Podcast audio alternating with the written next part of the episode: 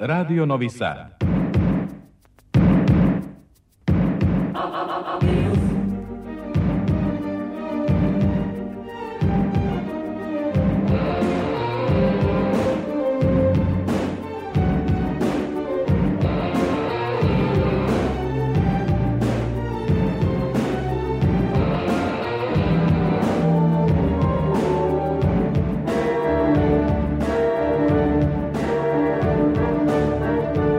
Spektar.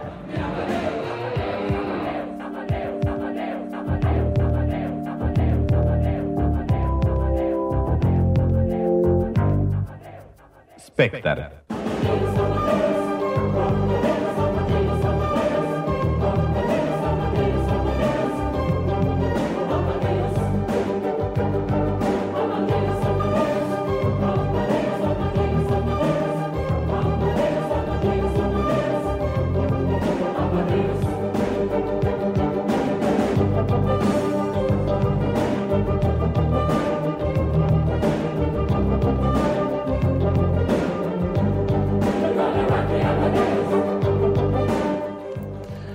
Dragi slušalci, dobroveče. Ja sam Ivana Maletin Ćorilić i želim vam dobrodošlicu u Spektar. Pred vama je još jedno izdanje magazina za kulturu posvećenog savremenoj kulturnoj sceni. U narednih sat i po vremena na talasima Radio Novog Sada govorit ćemo o događajima i autorima koji oblikuju naš kulturni prostor – Centralna tema biće minuli jubilarni 70. Martovski festival, a podsjetit ćemo se i reditelja Igora Vuka Torbice u susret Igorovim danima u Srpskom narodnom pozorištu. Predstavit ćemo antologiju ženske regionalne književnosti regiona koju je objavio Savez feminističkih organizacija Rekonekcija – kao i izložbu od tačke zanosa do tačke bola u Novosadskoj galeriji Belart. Kao što smo najavili, emisiju otvaramo pričom o jubilarnom 70. martovskom festivalu koji je završen proteklog vikenda u Beogradu. Na toj tradicionalnoj smotri dokumentarnog i kratkometražnog filma dokumentarac Ju grupa Trenutak sna autora Darka Lungulova osvojio je Grand Prix kao i dve strukovne nagrade za najbolju montažu i dizajn zvuka. Festival je zatvorio film o Branku Ćopiću Moj Branko ne laže, autora Branka Lazića u produkciji radio televizije Republike Srpske. Nagrađeni filmovi prikazani su i u sklopu programa Martovski na bis. Osvrt na jubilarno 70. izdanje napravio je umetnički direktor Martovskog festivala Dejan Dabić u razgovoru sa Goranom Vukčevićem. E, eto, završen je i 70. Martovski festival dokumentarnog i kratkometražnog filma najstariji e, takav festival u, u Srbiji, je tako, a i na šire prostoru u regionu. E, Dejan Dabić, umetnički direktor, e, sad je ovako vreme da se odahne, ali može da se kaže kako je to sve, sa program oko koga je uloženo dosta truda, kako je prošao kod publike, kako je zadovoljan žiri, selekcijona komisija. Ono što je meni prvi utisak kada je reč o ovogodišnjem 70. Martovskom festivalu jeste činjenica da sam video jako mnogo mladih gledalaca i mladih autora. A, imao sam određenu vrstu zamerke od ljudi da je, da previše programa, ali u, u okviru tih 100, dakle 101 filmova koji su bili prikazani, ima dosta filmova mladih autora koji, koji se raduju festivalu i raduju se mogućnosti da ovde pokažu svoje filmove a video sam i dosta mladih gledalaca koji su poželeli da vide te filmove, jer to ne možete videti ni na televizijama, ni u bioskopima, a možda možete naravno da tražite na internetu, ali treba da znate šta da tražite. Tako da je ovo idealan a, a, prostor i, i idealno mesto za, za ovu vrstu kinematografije. Znači, u tom smislu festival je pokazao da ima budućnost, ali je pokazao i da ima prošlost pokazao je da je ovo festival koji su gradili najbolji filmski reditelji nekadašnje Jugoslavije i to u svim da kažemo, filmskim rodovima i kategorijama. To su pokazali filmski žurnali filmskih novosti koje smo pustili na otvaranju, gde smo se pre svega bazirali na onom periodu kad je festival prešao iz Pule u Beograd 60. godine.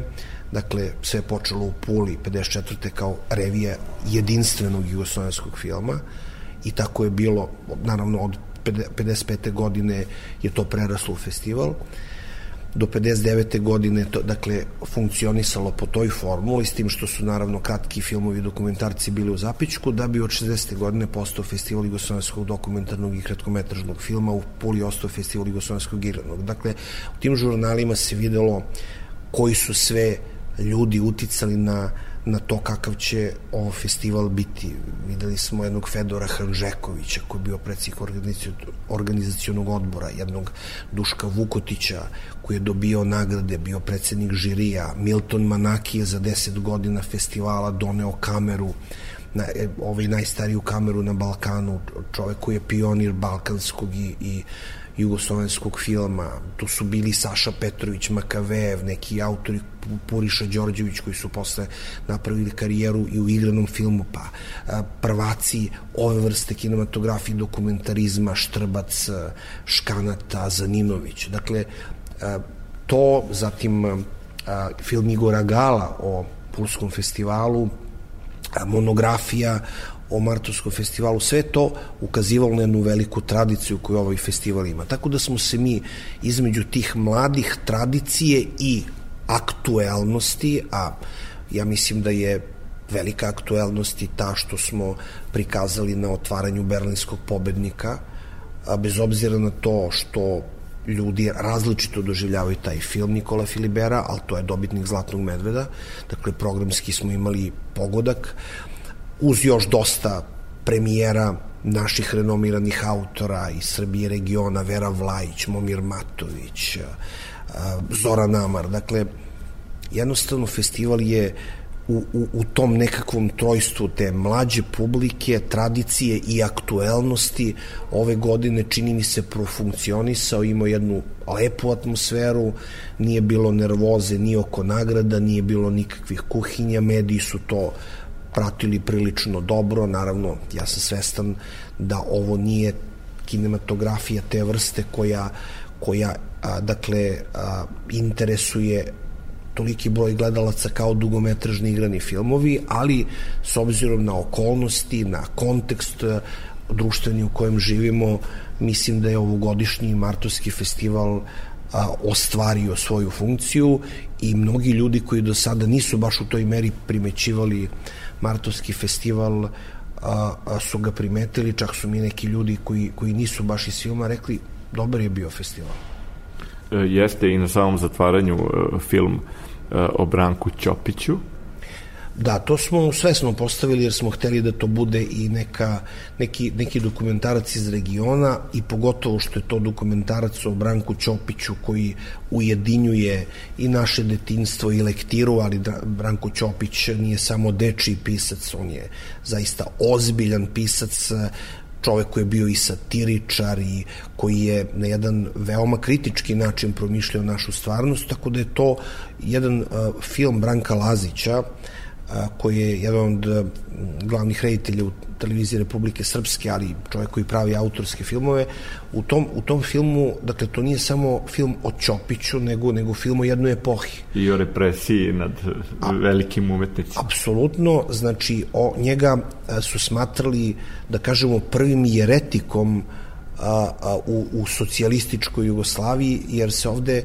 to posmatralo iz vizure onih koji su bili i učestvovali u narodno-stvoričkoj borbi, ne a, iz vizure onih koji su od početka bili protiv. I ta, ta rečenica a, a, koja je poslužila kao naslov filma Moj Branko ne laže, u stvari rečenica Brankove majke koja je rekla Titu.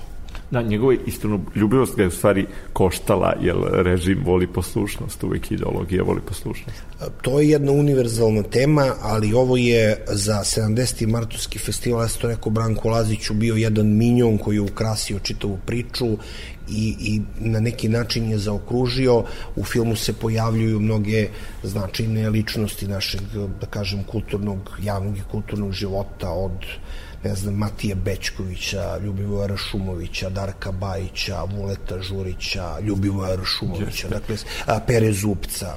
Svaka preporuka, film će inače na programu biti u Kulturnom centru Novog Sada 10 aprila, tako da preporuka gledalcima. Obavezno odgledati, naravno to govorimo onim ljudima koji su otvoreni za nova saznanja, jer ja sam rekao na a, zatvaranju da budućnost a, pripada mladima, ali je ali sam se pre toga pozvao i na François Truffaut koji je govorio da budućnost pripada radoznalima. Tako je, to, je, to, je, to su bile prave rečenice za kraj. E, da pomenemo još samo da su i u žiriju bila velika imena. Mnoga imena velika nisu, nažalost, dugo već sa nama, neka i od skora, kao što je Puriša Đorđević recimo, ali su još uvek e, žive neke legende iz bivše Jugoslavije i oni su svi bili u žiriju. Pa meni je bila ideja da napravim eksjugoslovenski žiri za 70. festival, tako da sam naravno uz male kompromise to uspeo da napravim, a Joško Marušić je bio predsednik žirija, čuveni animator, karikaturista, profesor, čovek koji je pobeđivao na Martovskom festivalu u, u vreme Jugoslavije. Njegov film Riblje oko smo videli u okviru revije laureata Martovskog festivala. On je bio predsednik žirija i on, ja mislim da od raspada Jugoslavije nije bio na Martovskom festivalu. Zatim, od ostalih članova žirija koji su iz, da kažem, bivših Jugoslovenskih republika, tu je bio Pjer Žalica, reditelj filmski, televizijski reditelj dokumentarnih i igranih filmova, po igranim je poznati, ali radio i filmove o orkestru, plavom orkestru i još nekim drugim da, zanimljivim djeca temama. Kao i sva druga. Da bome. Znači čovek koji, koji na jedan dobar način je uspeo da pomiri dokumentarni igrani film i treći član koji je bio, da, koji nije bio iz Srbije je Aleš Pavlin, koji je Gardijoli iz Srbije, da. Da, da, da, znači treći član koji nije bio ovaj iz Srbije je Aleš Pavlin, a, producent, a, profesor, čovek koji je sarađivao i sarađuje sa najvećim rediteljima u regionu kad pogledate serije i filmove od Dade Matanića do Bjelogrlića vi ćete sresti njegovo ime a od članova žirija iz Srbije tu su bili profesorka Narcisa Darijević-Marković, koja je profesorka Fakulteta dramskih umetnosti u Beogradu, koji je sama autorka i Želimir Gvardiol, jedan od naših najcenjenijih autora kratkog metra, pre svega kratkog dokumentarca Diplomac Praške famu i takođe čovek koji, kojeg neko vreme nije bilo na Martovskog, evo, Martovskom festivalu, evo, vratio se u velikom stilu.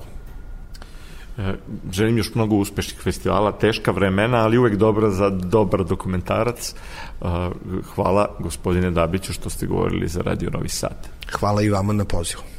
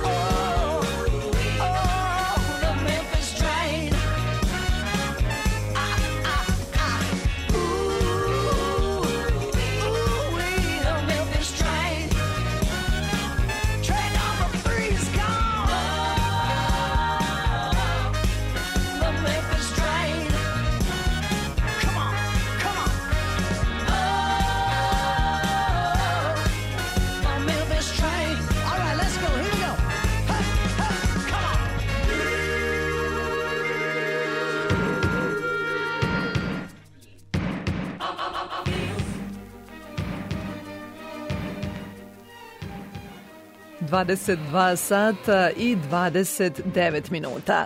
U Spektru nastavljamo priču o filmu, tačnije minulom 70. Martovskom festivalu. Kao što ste mogli da čujete u razgovoru sa umetničkim direktorom festivala Dejanom Dabićem, u ovogodišnjem žiriju su se našla velika imena regionalne kinematografije, među kojima je bosansko-hercegovački reditelj Pierre Žalica. O festivalu, aktuelnoj dokumentarnoj produkciji, mladim autorima i izazovima sa kojima se susreću u radu, kao i svom rediteljskom pristupu, razgovarao je sa Goranom Vukčevićem. E, gospodine Žalica, e, bili ste u žiriju 70. festivala e, Martovskog. Kakav je vaš utisak o, o trenutnom stanju u dokumentarnom filmu? U Srbiji? I šire. Pa, šire nismo baš dobili sliku, jer je u, u, u međunarodnoj selekciji bilo malo filmova dokumentarnih. Ali je u nacionalnoj selekciji bilo dosta filmova. I ono što, ono što je kao, mislim, kao zajednički imenitelj, šta bi, šta bi istakao? Meni je brojnost produkcije bila zanimljiva, dakle to je bilo više nego što sam ja očekivao, što je za člana žirija također onaj dodatni problem jer mora gledati puno filmova. S druge strane, e, mlađi autori koji se bave temama koje su iz njihove generacije, to mislim da je veliki plus, ali se osjeti također i neki, ja bih rekao, oprez u bavljenju tim važnim temama koji nije baš u skladu sa vremenom u kojem, u kojem živimo. Ja mislim da nam sad, naročito u dokumentarnom filmu, treba mnogo više hrabrosti. Tako da i pričao sam sa nekim mlađim autorima da li postoji nek, ta neka vrsta opreza zbog eventualnih reperkusija ili težeg dolaska do narednih projekata, pa su mi gotovo unisono rekli da ima. Da, da, I ja mislim da je to sindrom koji nije samo vezan za Srbiju, nego da je to sindrom koji imamo najmanje balkanski, a rekao bih i mnogo šire da je to vrijeme u kojem, u koje nekako već ne ni lagano, nego se brže tonemo, vrijeme nekog prikrivenog ili otkrivenog totalitarizma u kojem je onako hrabrost hrabra kategorija. Da, u kojem ali, jača autocenzura. Da, ali sam vrlo, vrlo zadovoljan. Dakle, vidio sam neke filmove koje ću pamtiti. To, nije, to, to nije mala stvar. Također, raznolikost produkcija. Tu je osjeća se prisustvo jednog producenta koji očito pomaže ili financijera koji pomaže produkciju u ovoj selekciji koju smo imali, koji je strani, osjeća se nesrazmjerno malo, ali ipak se osjeća uh, državno fondiranje filmskog centra, koje ja mislim da bi trebalo biti puno veće. Mislim da ovih ima više filmova finansiranih izvan filmskog centra nego iz filmskog centra. Tako da, da bi bilo bolje da je, da je malo disperzivnije. Ono što je bilo lijepo je što nismo gledali, kako bi se reklo, samo Beograd, nego je stvarno to bila slika, uh, slika Srbije malo šira, naravno nama koji dođemo, ne dođemo rijetko, ali, ali dođemo, koji dođemo sa strane, to je, to je vrlo dragoceno. Mislim da su filmovi koji mogu bez da ima filmova koji bez ikakve dileme, što su i dokazali svojim nagradama koje su dosta dobili, mogu predstavljati uh, srpsku kinematografiju u najboljem svijetu. Obično mladi reditelji kad studiraju, oni žele najveće, žele dugometražni igrani film. E, vi ste izuzetno plodan autor, možda jedan od najproduktivnijih u čitavom regionu, ali ste u svom opusu imate i dosta doku, dokumentaraca. Dakle, a, a nije očigledno e, kao da se pojačalo interesovanje za dokumentarni film, verovatno zato što je do njega i lakše doći. Pa sigurno da je lakše zbog toga što iz ovih nekih produkcijskih sa produkcijskog aspekta je sigurno lakše. To je manji tim, dakle manje ljudi, tehnološki je jednostavniji, finansijski je sigurno manje zahtjevan nego, nego igrani film, Ali sa druge strane to je naprosto film, tako da do, do filma je teško doći sa ovog umjetničkog, autorskog stanovišta. Pa i sa ljudskog, sa stanovišta rediteljske odgovornosti, hrabrosti, u slučaju dokumentarnog filma neke autorske, jer autor dokumentarnog filma je po mom osjećanju često i malo šire od, od pojma reditelj gdje se vjerovatno dobro razumijemo kad to kažem, ne znam ja baš potpuno jasno šta bi bilo šire od reditelja, ali nekako to je čovjek često koji ima ideju za film, razvija njegovu priču, pot, u potpunosti njegov često ga i snimi, bude i direktor fotografije. Sad imamo čitav jedan pokret mlađih, e, mlađih dokumentarista koji sve sami rade. Oni uglavnom snimaju po kriznim područjima gdje, gdje je to nužno da, da se što više smanji ekipa, ali, ali rade izvrsne filmove. Tako da jest, naravno da je sa produkcijske strane lakše, s druge strane vi ako nemate priču, ako nemate potrebu da ispričate film, džaba vam trud svirači, to, to je ne, neće biti dobro. Dakle, ja nisam nikad razlikovao filmove ono da je kao glavni igrani film, a manje glavni dokumentarni film. To da, nisam, to me zanima. Da. Nisam doživljavao na taj način, nego imate priču koja je ili vas pripada, uči, ili vas koja se treba ispričati na, na jedan način i drugu koja se treba ispričati na drugi način. Uvijek ćete prepoznat film koji je trebao biti dokumentarni, a onda im je lakše bilo da snime igran, jer nekad je jako teško snimiti dokumentarni film što nemate pristup, vi ne možete, vi hoćete da snimate nekog čovjeka, ali naprosto ne možete do njega doći ili on neće da, da učestvuje. Dakle, ono što je zahtjev dokumentarnog filma je e, ta autent, životna autentičnost koja je jedan na jedan. I onda se onda ljudi potegnu, aha, nisam mogao da snimim dokumentarni, pa sad ću ja to napisati, pa će neko odgovoriti. To se često osjeti. Dakle, ako nije nekako ideja u pravom odijelu, to je u onom, nek, na nekoj platonovskoj crti da, da svaki objekat, svaki pojam ima svoj idealni oblik.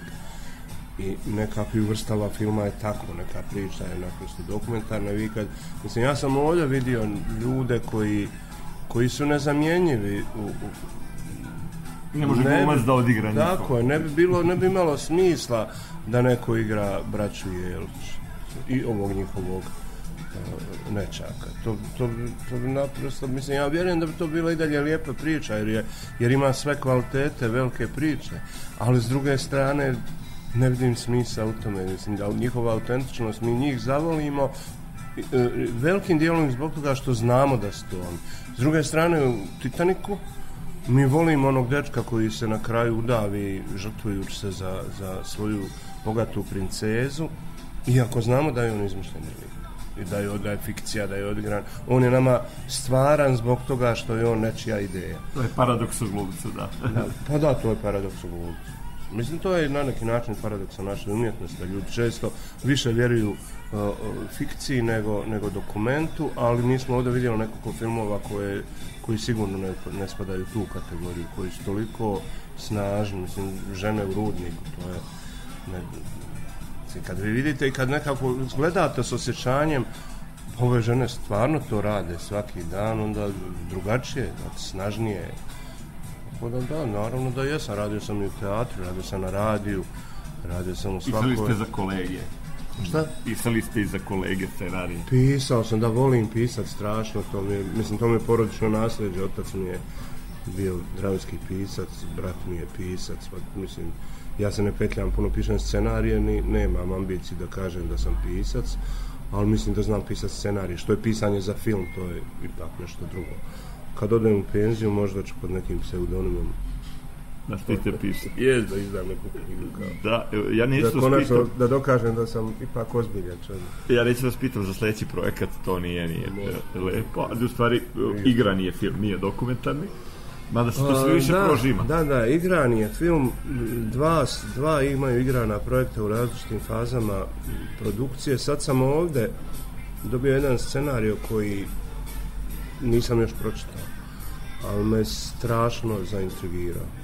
Tako da ću pročitati taj scenarij, možda je ovaj razgovor uvodu u još jedan projekat za koji sam scenarij dobio na, na, na, na ovaj, tokom boravka na ovom festivalu i kao i svi razvijam neke dvije TV serije koje su sad vrlo, vrlo je nekako moderno raditi. Ja sa dosta treme radim.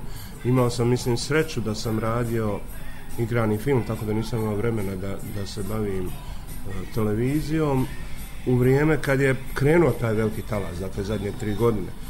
I onda sam mogao pustiti, kako, kako se reklo, malo onako ispred sebe ove kolegice i kolege kojim jako vjerujem i iz njihovog iskustva ona, pokušati se što bolje spremiti, tako da je snimču neke, neke dvije Da, sad mi je polo na pamet svi likovi u vašem aktuelnom filmu Praznik rada i ono što igra Saksan i što igra Hadži Begović, to su vrlo dokumentarni likovi, vaša supruga Žalica, to su vrlo autentični e, likovi za koje smo sigurni da su dokumentarne biografije. Pa i nisu, pravo da vam kažem. Ja karakteri, ja karaktere volim prepoznavati iz vlastitog iskustva. Dakle, često nekog čovjeka kojeg, kojeg poznajem ili ugradim u priču. Na nivou karaktera, ali na nivou njegove istinite priče ili njegove sudbine je vrlo rijetko. Tako da ovo što je u prazniku rada je kao i svi filmovi koji govore o nekom vremenu, nekom događaju, vrlo vjerovatno čak i, i naučna fantastika ili fantastika se bavi stvarima koje su na svoj način logične i vrlo moguće. Vi ne bi vjerovali dok gledate film ukoliko ne, vam to ne izgleda stvarno. Tako da karakteri su temeljeni na, na neki, neki karakteri su temeljeni na ljudima koje znam. Neke razviju i glumci. Znate, ja volim strašno raditi sa glumcima duže nego što je možda uobičajeno. Dakle, u nekim fazama scenarija kad je već izvjesno da ćemo snimati film, nekim glumcima i glumcama čak i ranije dajem tekst, pa onda zajedno radimo na tome, tako da recimo Aco Seksan je jako doprinjao ovom svom liku koji je bio pisan u tom tonu, bio je mislim, nije to drugi karakter, ali je Aco, Aco jako doprinio razvoju tog lika u pravcu koji koji je meni bio dok sam bio pisac misterija, kad sam, mislim, još mi nije bio jasan, ali dok sam režirao, imao sam tu privilegiju da imam e, takvog glumca koji je tu u stvari otključao taj, taj problem. Hvala vam najlepše što ste govorili za Radio Novi Sad. Bio je ovo Pierre Žalica, reditelj, scenarista iz Sarajeva.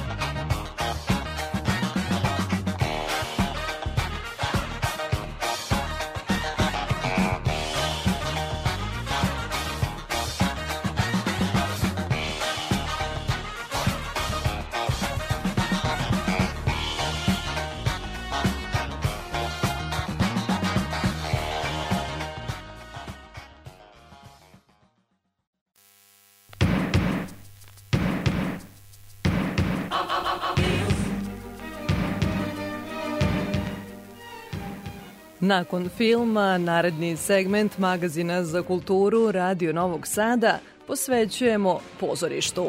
Srpsko narodno pozorište i ove godine organizuje manifestaciju Igorovi dani u sećanje reditelja Igora Vuka Torbicu. Od 19. do 23. aprila publika će moći ponovo da vidi tri predstave u njegovoj režiji. Tartif – prema motivima Molijerove drame u koprodukciji Srpskog narodnog pozorišta i Narodnog pozorišta u Somboru, Krvave svadbe u koprodukciji SNP i Budvanskog gra teatra i predstavu Carstvo mraka Narodnog pozorišta u Beogradu. Ta manifestacija predstavlja način oduživanja jednom vanvremenskom talentu koji je za kratko vreme pokazao put savremenog pozorišta – o pozorišnom pečatu koji je ostavio i njegovom građanju pozorišne predstave sa glumcem našeg najstarijeg teatra, Dušanom Vukašinovićem, razgovarala je Ana Čupić. U susret jednoj divnoj stvari koje Srpsko narodno pozorište organizuje, Torbicini dani, Lepo je da se možda negde i setimo Igora Vuka Torbice i šta je on uradio za savremeno pozorište, kako je on uticao na razvoj savremenog pozorišta i koji je to pečat ostavio. Ovo je zapravo prvi put da ja govorim u jednoj ovakvoj formi o Igoru i i dalje mi je krajnje neprirodna i, i skoro pa neprihvatljiva ta formulacija prošlog vremena i neko osvrtanje koje je unazad, a, a bez mogućnosti pogleda unapred. I nekako sam dosta dugo čak i odbijao da uopšte prihvatim to i da na bilo koji način o tome i razgovaram ili ali m, mm, to što ste pomenuli sad tu neku vrstu misije Igorovih dana i pa na taj način i ovog razgovora sada čini mi se da zaista postoji velika obaveza svih nas koji smo delili bilo lične, bilo pozorišne trenutke sa Igorom, da nekako delimo dalje sa ljudima priču i ono št, u šta je on verovao u životu i pozorištu, da, da, da na neki način čuvamo čuvamo njega i, i njegov rad i njegovu ličnost kroz to. A šta je, šta je on dao savremenom pozorištu, dao mu je puno. Opet u, u ovim osvrtima i, i tim razgovorima koji su uvek imaju tu neku vrstu komemorativnog tona koja me ježim se ovaj, u, u ovoj sada situaciji, naravno to je neminovnost. Uvek se prvo postavlja pitanje pozorišta i to je logično zato što mi ne bismo verovatno razgovarali sada da, da se on nije bavio pozorištem, ali uvek imam poriv da prvo kažem da pozorište izgubilo mnogo, ali ljudi su izgubili mnogo više. Igor jeste bio veliki i važan reditelj, ali za mene mnogo važnije i veće od toga je jedan čovek sa kojim sam ja imao lični odnos, sa kojim sam ja razgovarao o životu, sa kojim sam ja razgovarao o porodici, sa kojim sam razgovarao o budućnosti, o nekim budućim životima kojima se nadamo da ćemo ih sa svojim porodicama stvarati. To je najveći gubitak za, za sve nas koji smo, kojima je on činio život i koji smo na manji ili veći način bili deo njegovog života. Što se samog pozorišta tiče, puno se tekstova napisalo, kritika, sjase tih nagrada koje su tu da nekako skreću pažnju, ne smatram da su one ni na koji način same po sebi nešto prevelikog značaja, ali naravno da govore o značaju rada.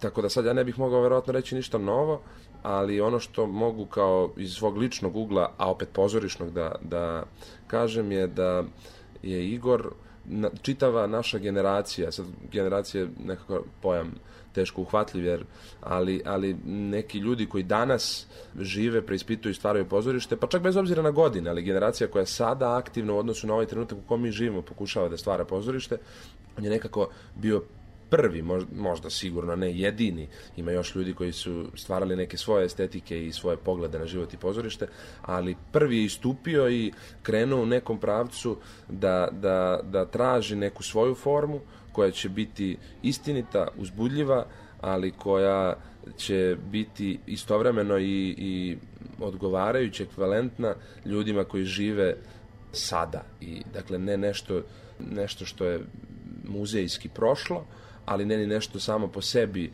sebe radi moderno, nego nešto što je istinito u toj svojoj formi. Ono što nam potvrđuje da je umetnost lepa i sve moguća, to je da svaki umetnik živi dok živi njegov rad. A ovim sećanjem isključujemo mogućnost da Igora više nema. Sad, verovatno je bilo, to su uglavnom njegovi autorski projekti, zapravo to su njegova viđenja onoga što su veliki pisci napisali. Vi igrate u nekoliko njegovih e, predstava, pa postoji li možda neka i anegdota sa tih proba, kako je izgledao sam rad sa njim? Anegdota je puno. Da, zanimljivo je, sad ste rekli da su to autorski projekti, što bi u nekoj formalnoj, formalnom smislu pozorišnom gledano ne, ne bi bilo e, u potpunosti tačno, zato što se Igor zapravo gotovo nikada, osim u poslednjem svom radu, nije u potpunosti bavio nekim autorskim radom kao takvim autorskim projektom. Ali zapravo vi ste suštinski potpuno u pravu, jer svaki Igorov rad je bio autorski projekat za sebe u tom smislu da je on kretao od pitanja, od teme koja ga zanima, pa onda na osnovu toga, ako mu je potrebno, posezao za nekom dramskom ili proznom strukturom i onda je kroz taj materijal tražio tu temu, postavljao to pitanje i stvarao neku celinu koja naravno poštuje autora, Recimo, evo, Tartif je baš e, jasan primer. Mi smo krenuli u autorski projekat, u rad na, na klasičnom autorskom projektu, dakle, sa, sa jednom temom i pitanjem i nekim ljudima koje smo sami stvarali, ali onda je on u jednom trenutku zaključio da nam je potrebna dramska struktura i izabrao Tartifa kao nešto što je, što je odgovarajuće za to, taj materijal koji smo do tog trenutka stvorili. Tako da je na kraju Tartif nešto što jeste Molijerovo, ali i Igorovo i naše istovremeno, taj Tartif kog, kog mi igramo ali u suštini, kažem, on, on bi mogao i morao biti istovremeno doživljen i kao autorski projekat. Igor je tako stvarao pozorište uvek, uvek, evo, sad to je pogrešno reći, u onome što ja znam i čega sam ja bio deo i šta sam ja gledao, on, on je prosto na taj način razmišljao, na taj način radio i to je velika jedna uzbudljivost u, u radu i procesu i to je nešto što, što bih ja voleo uvek da, da sretnem u, u svakom svom ovaj, stvaralačkom procesu. A što se tiče anegdota, anegdota je baš, baš, baš, baš, baš puno. Razgovarali smo, naravno, u nekim tim susretima sa ekipama, prođe neko vreme, ne igra se predstava, pa se onda sretnemo, pa se onda sećamo svega, prisjećamo se procesa, prisjećamo se... I onda smo ovaj, shvatili da, pošto su predstave imale uh, uspeha u nekom smislu komunikacije sa publikom, samim tim imale prilike da se igraju na raznim mestima, Ja sam radio dakle krove svadbe i Tartifa. Počeli smo da radimo još jednu predstavu koja se nažalost nije završila. Korona je zaustavila i više nije bilo prilike za nastavak rada. igrali smo dakle u raznim gradovima, u raznim zemljama, onda smo nekako shvatili da je to te porodice, patetično zvuči, ali te ekipe tih predstava koje stvore naravno neke odnose koje imaju preslikavanje sa porodicom i lepe i manje lepe, su nekako postale neke grupe ljudi koje je Igor okupljao svojim rediteljskim impulsom i namerom za, za, za pozorišnim radom, koje su onda stvarno sa svima nama postale zapravo na, najviše putovanja, najviše različitih mesta, najviše različitih iskustava u, u svakom mogućem smislu sa jednom grupom ljudi bile bi te, te predstave. I sad kad bi pokušao da, da nešto pričam sa, konkretno sa toga, ne znam gde bih otišao, tako da ovaj, to, to ću ljubomorno čuvati za te male ekipe. A kako je taj e, rad sa Igorom uticao konkretno na razvoj glumca u vama? Rad sa Igorom sigurno spada u one koji nisu mnogobrojni u mom ličnom ovaj, pozorišnom i glumačkom razvoju.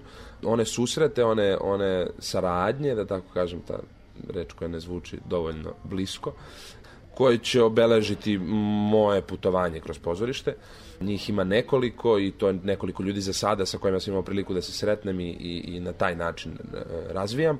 Učio sam mnogo od Igora, pored toga što sam učio od njega, važna stvar i važna odlika je da sam učio mnogo sa njim, jer je on bio spreman da uprkos velikom znanju, zaista neupitnom u smislu neke teme kojom se bavimo ili nekog obrazovanja koje se on nosio, to je dakle bilo zaista e, jedna riznica koja je bila ogromna, ali pored toga i pored svog iskustva pozorišnog koje je u tom trenutku imao, a nije bilo već malo uprkos e, mladim godinama njegovim, on je bio spreman da u svakom trenutku sve to iznova sa nama, evo, konkretno sa mnom, ali sa svakim, pretpostavljam, individualno preispituje i, i sam uči kroz taj ponovni rad i, i zapravo novi susret sa nekim novim ljudima i novim materijalom, tako da sve to što sam naučio od njega, što sam naučio sa njim, što sam pogrešio, u radu sa njim, što smo imali kao prepreku, pa smo je prevazišli.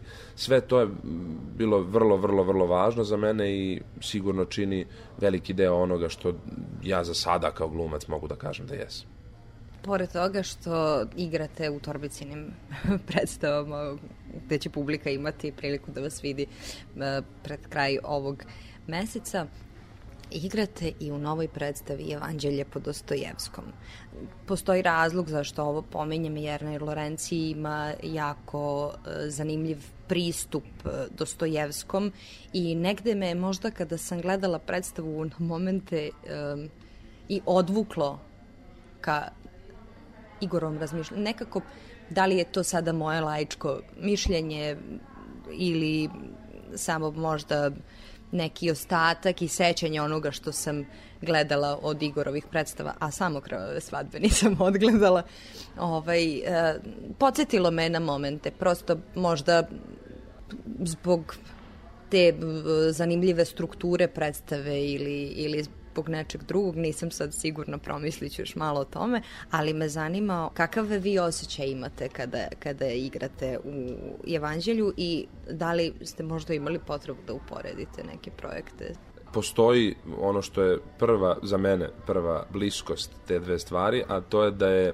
rad sa Jernejem i ljudima koje on sa sobom doveo, odnosno omogućio nam priliku da se sretnemo u stvaralačkom radu. Još jedan od tih za koje malo pre rekao da su malobrojni, ali su od suštinske važnosti za, za moje bavljenje pozorištem. Ja bih se nekako radovao naravno da, da svaki susret, svaki susret ima priliku da to bude i radovao bih se da svaki susret na neki način to bude, odnosno da, da pokuša da to bude. Nažalost, nije tako zbog raznih okolnosti u kojima živimo i u kojima radimo ali rad na evanđelju je sigurno bio jedan od tih koji su opet otvorili neka nova pitanja, neke nove dileme, neke nove sukobe sa samim sobom, sa idejom o smislu postojanja i o smislu bavljanja pozorištem. Šta bi bilo blisko? Sigurno to, preispitivanje, to o čemu sam malo pregovorio, ta spremnost da se sve dovede u pitanje, bez obzira na opet jedno veliko iskustvo, sad i godinama kod Jarneja još mnogo veće iskustvo i opet jednu veliku informisanost, obrazovanost, širinu, znanje, sve to se u radu dovodi u pitanje zarad nekog novog saznanja koje, koje nastaje kroz taj stvaralački proces koji je kao rezultat dobio predstavu Evanđelje po Dostojevskom. Predstava je još uvek mlada i mi zapravo čekamo sada prilike za neko konstantno i češće susretanje sa publikom. Ona je intimna, ona ima i ograničen mali broj ljudi koji mogu posmatrati predstavu, tako da nekako nadam se da u nekom narednom periodu ćemo imati prilike za više susreta, to nas, verujem, očekuje, tako da ćemo tek tu dobiti neko sagledavanje tog rezultata i toga šta smo mi u tome i kako sad sve to živi sa nama zajedno.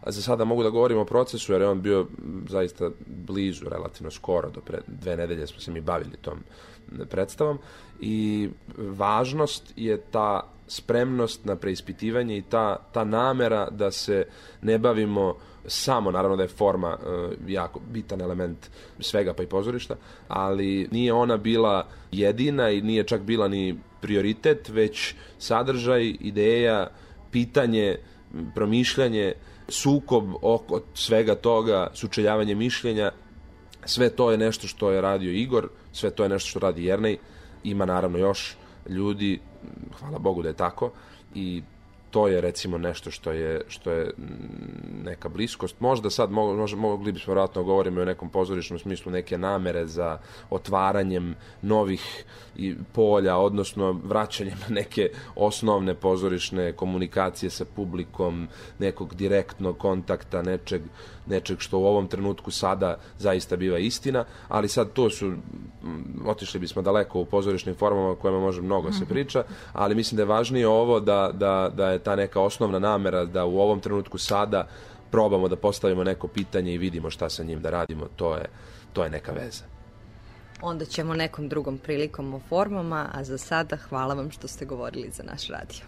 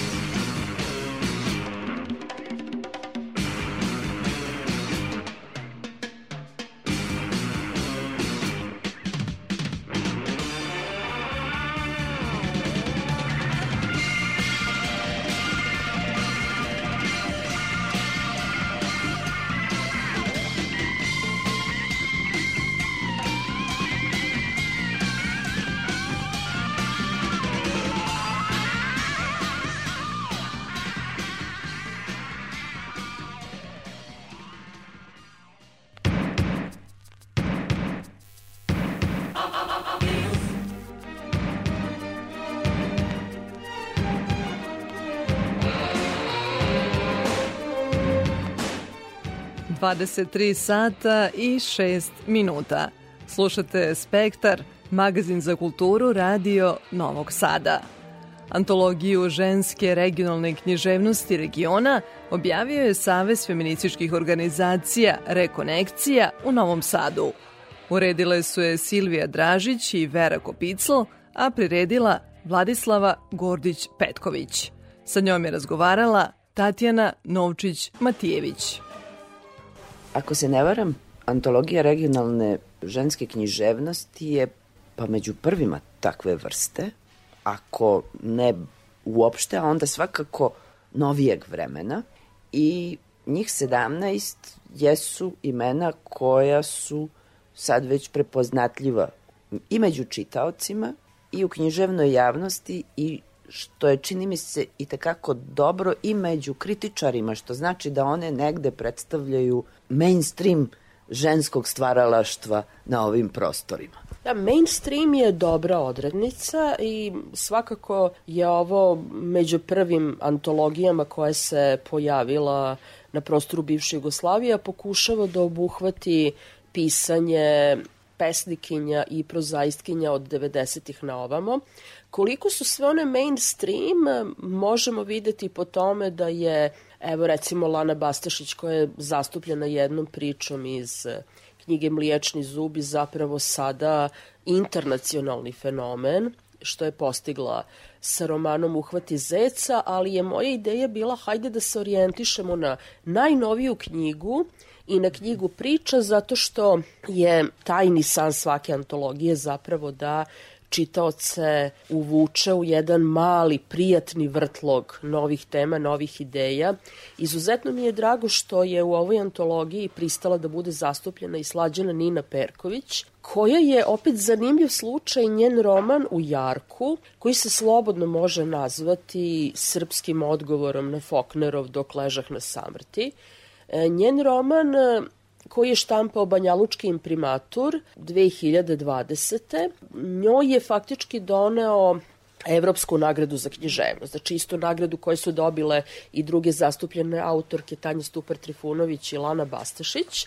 I taj roman sada doživljava veću slavu u svetu na jezicima na kojima se prevodi, a nema ga nigde u Novom Sadu i Beogradu, ne možete ga kupiti. Tako da antologija pokušava malo i da otvori percepciju za proširenje mainstreama u ženskoj književnosti kada se priređuje antologije, naravno uvek se ima negde e, na umu nekakav ključ, neki princip po kojem su odabrane baš te autorke ili autori, a ne neki drugi. Šta je ovde bila osnovna ideja, ta osa koja drži ovih 17 autorki? Tematsko-poetičko povezivanje života 90-ih i posle njih. Sve autorke m, faktički narativizuju sobstvena iskustva. E sada, ta iskustva su nekada intimna, ta iskustva su nekada duboko lična i autobiografska, a nekada su, da kažemo, sociopolitička ili kulturološka. Naprimer, meni je bilo posebno važno da stavimo jednu od priča Adise Bašić, iako je ona prvenstveno pesnikinja, ali njena knjiga priča A ti zaključa iz 2017. je u stvari ponudila čitav niz crtica o životima žena u Sarajevu, ali su sve teme univerzalne i zastupljena je upravo pričom koja govori o univerzalnom ženskom problemu suočavanja sa terminalnim bolestima, suočavanja sa tom morbidnom estetikom koja prati terminalne bolesti. Priča se zove Turban, tako da slušalci mogu da pretpostave o čemu se radi.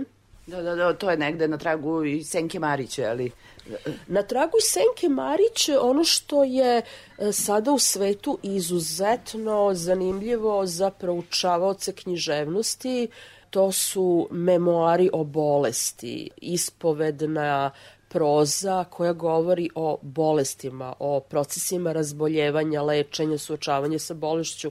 Evo recimo najsvežiji primer jednog takvog dela u nastajanju jesu bolničke hronike Hanifa Kurejšija koji od 26. decembra leži nepokretan u bolnici u Italiji, e, diktira svoje zapise koji se prvo pojavljuju na Twitteru, potom na blogu i već se formiraju ne samo čitalački krugovi, nego i krugovi tumača koji govore o tome da postoji nužnost da se povežu medicina i humanističke nauke u istraživanju svih aspekata bolesti.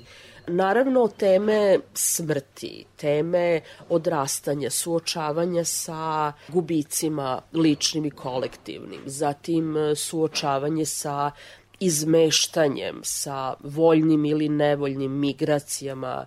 To su takođe teme koje obsedaju autorke i nepravda je što možda veći deo antologije nije mogao da bude posvećen Ivančici Đerić koji ima toliko divnih pesama i sjajnih romana koji se bave baš tim iskustvom izmeštanja i tom traumom porodičnom i ličnom koja dolazi zbog izbeglištva, pa potom emigracije i gde ona zapravo e, govori doživljeno, dakle iz ličnog iskustva, ali sa elementima jedne neverovatne sposobnosti da to lično iskustvo postane univerzalno. I ja sam želela na neki način da ova antologija pokaže kako e, žensko iskustvo koje je pretočeno u književnost uopšte ne mora da bude privatno, niti trivializovano, niti ono mora da bude komercijalizovano da bi bilo shvaćeno i prihvaćeno. Svih 17 autorki su umetnice reči i umetnice e, zapravo pretakanja životnih iskustava u književni tekst. I sad naravno ono što je takođe važno pitanje kada govorimo o književnom tekstu jeste jezik, pogotovo što one manje više imaju vrlo slična iskustva jer su iz regiona gde, gde su bile te dramatične i turbulentne promene. Neke su i lično osetile i imaju tu, te pozicije izbeglih, koliko su uspevale da formiraju svoj autentični jezik, odnosno jel, jel u rukopisu liče malo jedna na drugu? Zanimljivo je videti da se u dosadašnjim predstavljanjima antologije izuzetno mnogo insistiralo na toj izmeštenosti autorke da danas neke od njih žive u Vancouveru, neke u Beogradu, neke u Banja Luci, neke u Parizu, ali mislim da su te adrese više bila bile posledica nevolje nego ličnog izbora, ali sa druge strane njihov jezik se bitno menja pod uticajem svakodnevice jer sve one pišu jezik svakodnevice. Naravno, ako pogledamo Katju Perat koja se bavi naoko udaljenim istorijskim temama, njen jezik je možda više stilizovan. Tanja Stupar Trifunović takođe kao pesnikinja se trudi da svoj jezik stilizuje u pravcu kreiranja metafora, poređenja i eufonije, ali je ipak čini mi se negde izostala sirovost uličnog žargona, nema tog neformalnog registra. Mi ipak prepoznajemo da su svi ti stilovi cizelirani, da to nije, da kažem, govor ulice, da to nije govor, e, iako to jeste govor običnih ljudi i žena, to ipak nije govor ulice.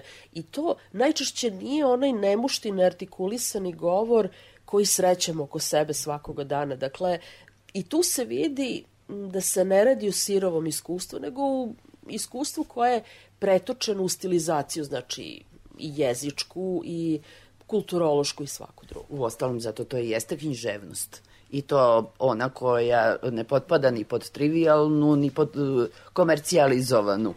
Pa mislim da je ova knjiga, kada se zaista suoči sve te pesme, svi ti prozni odlomci, priče, zaista se stiče utisak da je u pitanju jedno izuzetno snažno književno štivo koje pokušava i uspeva, čini mi se da bude aktualno, mada je recimo zanimljivo da Ksenija Popović je sa svoja dva romana bila bestseller autorka do jednog određenog trenutka kad je napravila zaokret u karijeri, ali recimo njen roman iz koga smo uzeli e, odlomak o Vuku Ničijem može da se čita kao nekakva transpozicija orkanskih visova, kao nekakva studija o nedostatku identiteta, studija o nekome ko je ničiji i samim tim postaje meta različitih zloupotreba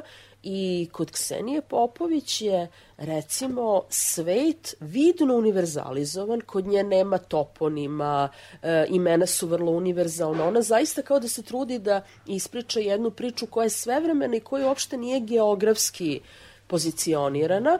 I mislim da mi je to čak i zanimljivo pomenuti zbog autorke koju smo mogli da zastupimo, ali a, pošto nije pisala 90-ih, ne bi se uklopila, to je Slavica Perović, koja je u svom prvom romanu Life Lift, objavljenom negde 2017 takođe tu sredinu Podgorica, Crna Gora, Kotor, svesno univerzalizovala dajući recimo gradu koji po svemu liči na Podgoricu ime Piedmont, koje prevodu postaje transparentno, ali i kod Tanje Stupar Trifunović smo mogli da vidimo isti stepen ili sličan stepen univerzalizacije, dakle potreba da se progovori o univerzalnom iskustvu sukoba i kolizija pre svega generacijskih, između različitih generacija žena, ali opet ne treba zanemariti i ove sjajne pesnikinje i prozaistkinje koje se bave i vrlo snažnom socijalnom tematikom kao što je Ana Marija Grbić,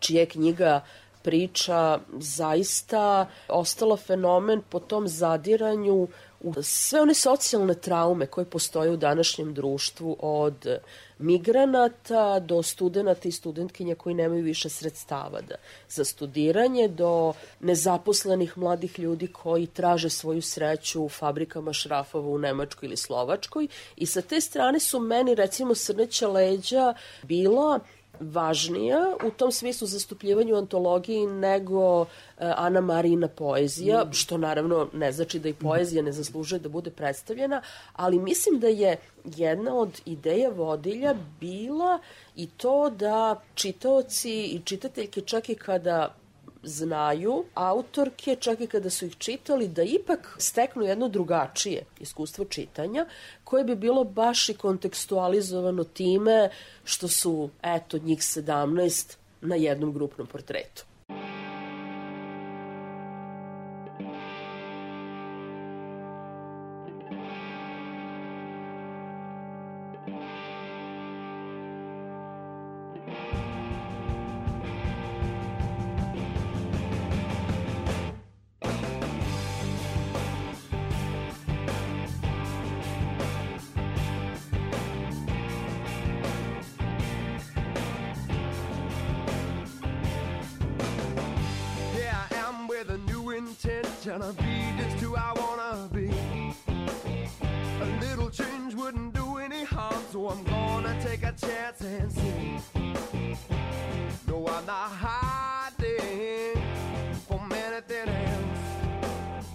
Ain't trying to be no Jimmy or Stevie. I wanna be my goddamn self. I keep fighting voices in my head.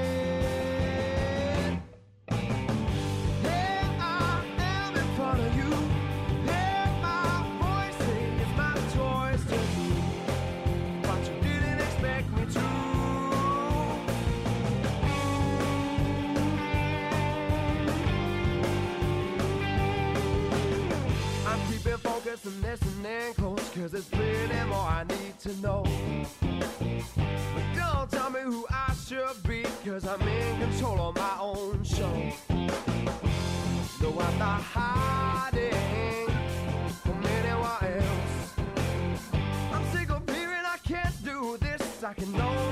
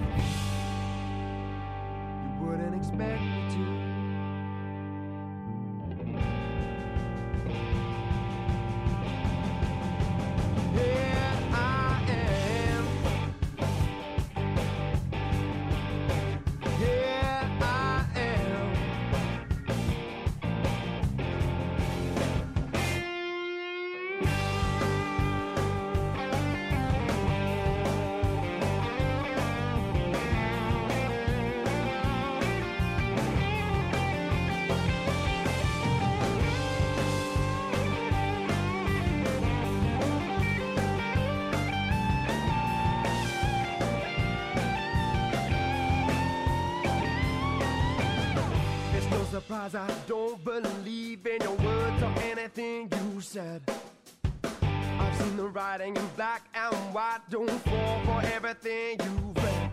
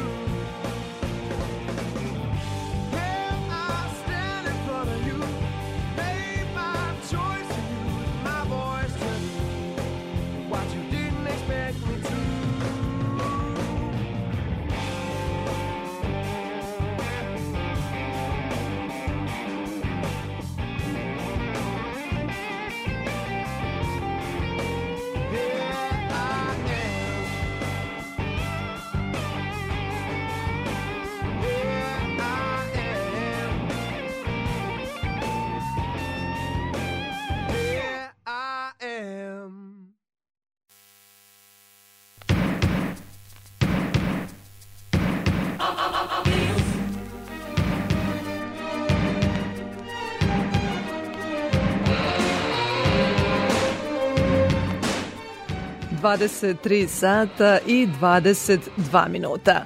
Stižemo do poslednje priče u večerašnjem spektru.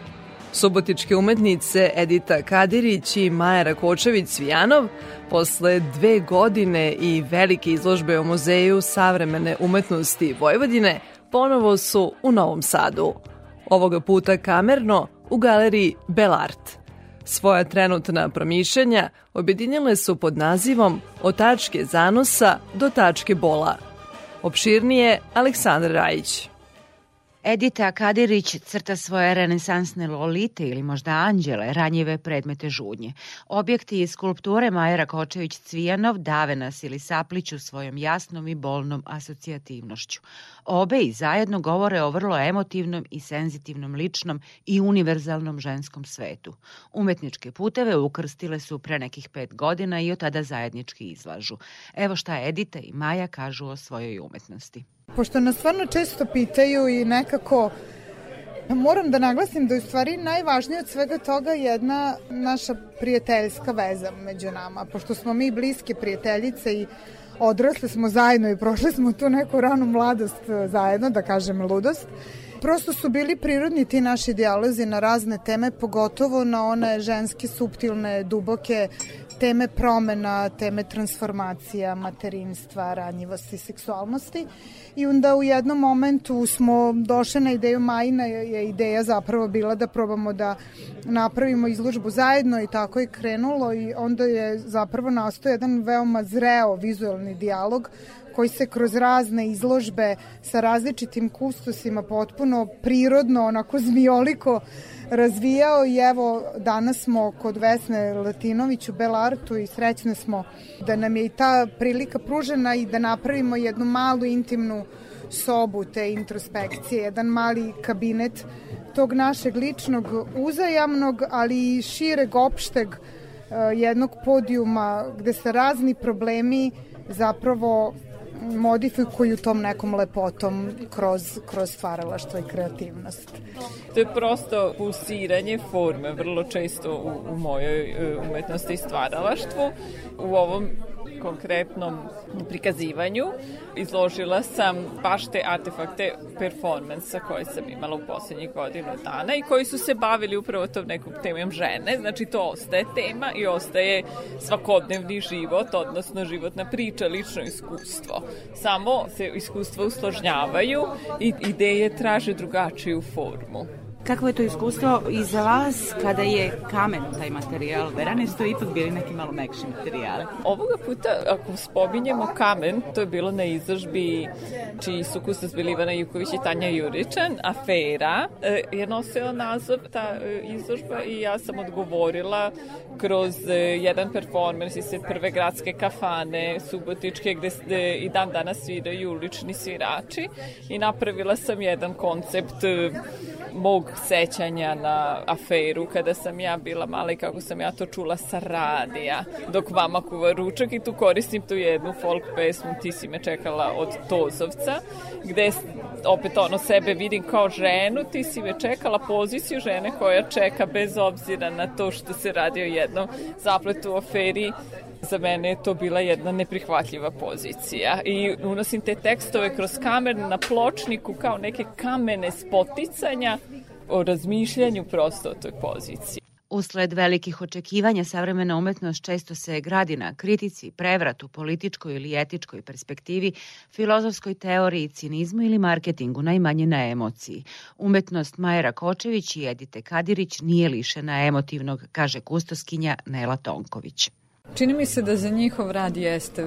U pitanju je već nekoliko decenije istrajavanja na pokušaju da se podele sa posmatračima i sa publikom savremene vizualne umetnosti ono što jesu najdublja osjećanja i ono što su proživljeni trenuci u životu svake žene. Dakle, bez obzira na to da li su ti trenuci, trenuci smeha, bola, tuge, e, kajanja, ove umetnice to veoma hrabro integrišu u svoj rad. Ne čine to ni pošto banalno, ne čine to zato da bi bilo koga zadivile, već isključivo da bi mogle da se povežu sa uh, ljudima koji će biti svedoci njihovog stvaranja. Imale su sada jednu veoma interesantnu, rekla bih skoro turneju, turneju saradnje, počev negde od 2019. godine kada su napravile za divno čudo jeko dugogodišnje prijateljice, ali prvu zajedničku samostalnu izložbu.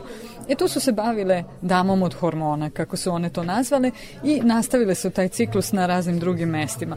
Međutim, u ovoj galeriji konkretno imamo baš uh, popriličnu sreću da sagledavamo ono što su njihovi najnoviji radovi. U slučaju Edite Kadirić tu je i nešto starijih, ali u pitanju su veoma novi radovi, a u uh, opusu Majera Kočević-Cvijanov to su sve apsolutno novi radovi koje je prikazala jedino na jednom mestu prošle godine i uh, rekla bih da opet umeju da se povežu, iako ovoga puta govore o sasvim različitim osjećanjima. Ovo nije, dakle, povezivanje na nivou srodnosti onoga o čemu pričaju, ali jeste povezivanje uh, na fonu ponovljene činjenice da se ne plaše da o tome govore kroz svoju umetnost i uh, ponovo moram da se vratim na vaše zapažanje da, premda je to još uvek relativno redka pojava, na sceni savremene umetnosti uh, u Srbiji pogotovo, mislim da sve više uzima maha i mislim da upravo umetnice prednjače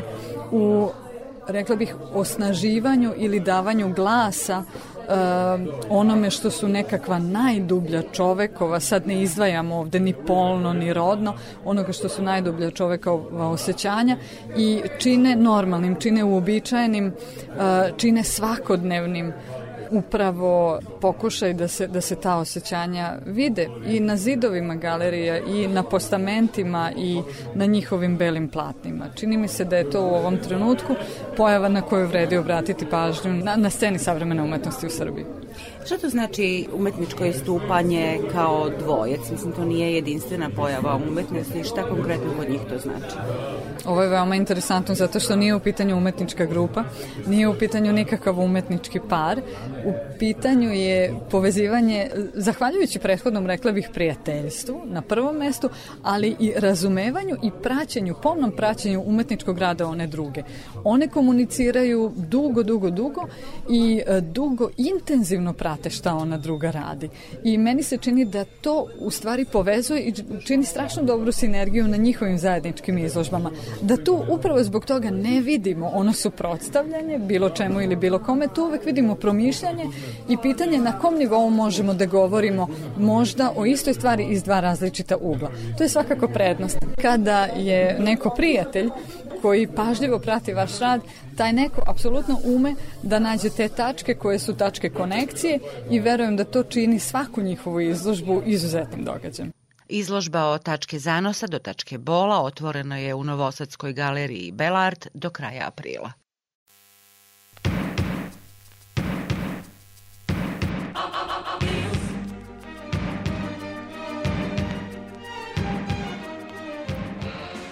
Dragi slušalci, nadam se da ste u spektar dostigli tačku kreativnog zanosa i da ćete ga ispoljiti već za vikend. Naredni susret zakazujemo za sledeći petak. Ako ste se kasno uključili, magazin za kulturu Radio Novog Sada možete da poslušate i odloženo na sajtu RTV-a. Moje ime je Ivana Maletin Ćorilić i pozdravljam vas u ime ekipe koja je realizovala emisiju. Do slušanja.